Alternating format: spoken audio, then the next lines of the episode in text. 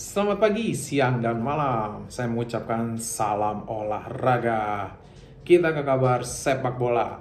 Setelah selesai dari turnamen Piala AFF 2020 yang diselenggarakan di Singapura, Timnas sepak bola Indonesia usia 23 akan bertanding di AFF Championship 14 Februari sampai 26 Februari di Kamboja. Semangat Garuda Muda. Juara. Amin, amin, amin, amin. Selanjutnya kita ke kabar bola basket luar negeri. Kita ke NBA. Kyrie Irving akhirnya kembali ke lapangan membela Brooklyn Nets atau New Jersey Nets. Welcome back. Selamat datang lagi. Kyrie Irving.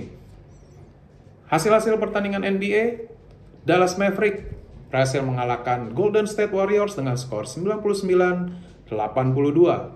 New Jersey Nets berhasil mengalahkan Indiana Pacers dengan skor 129-121. Philadelphia 76ers berhasil mengalahkan Orlando Magic dengan skor 116-106. Terima kasih, sekian dan salam olahraga.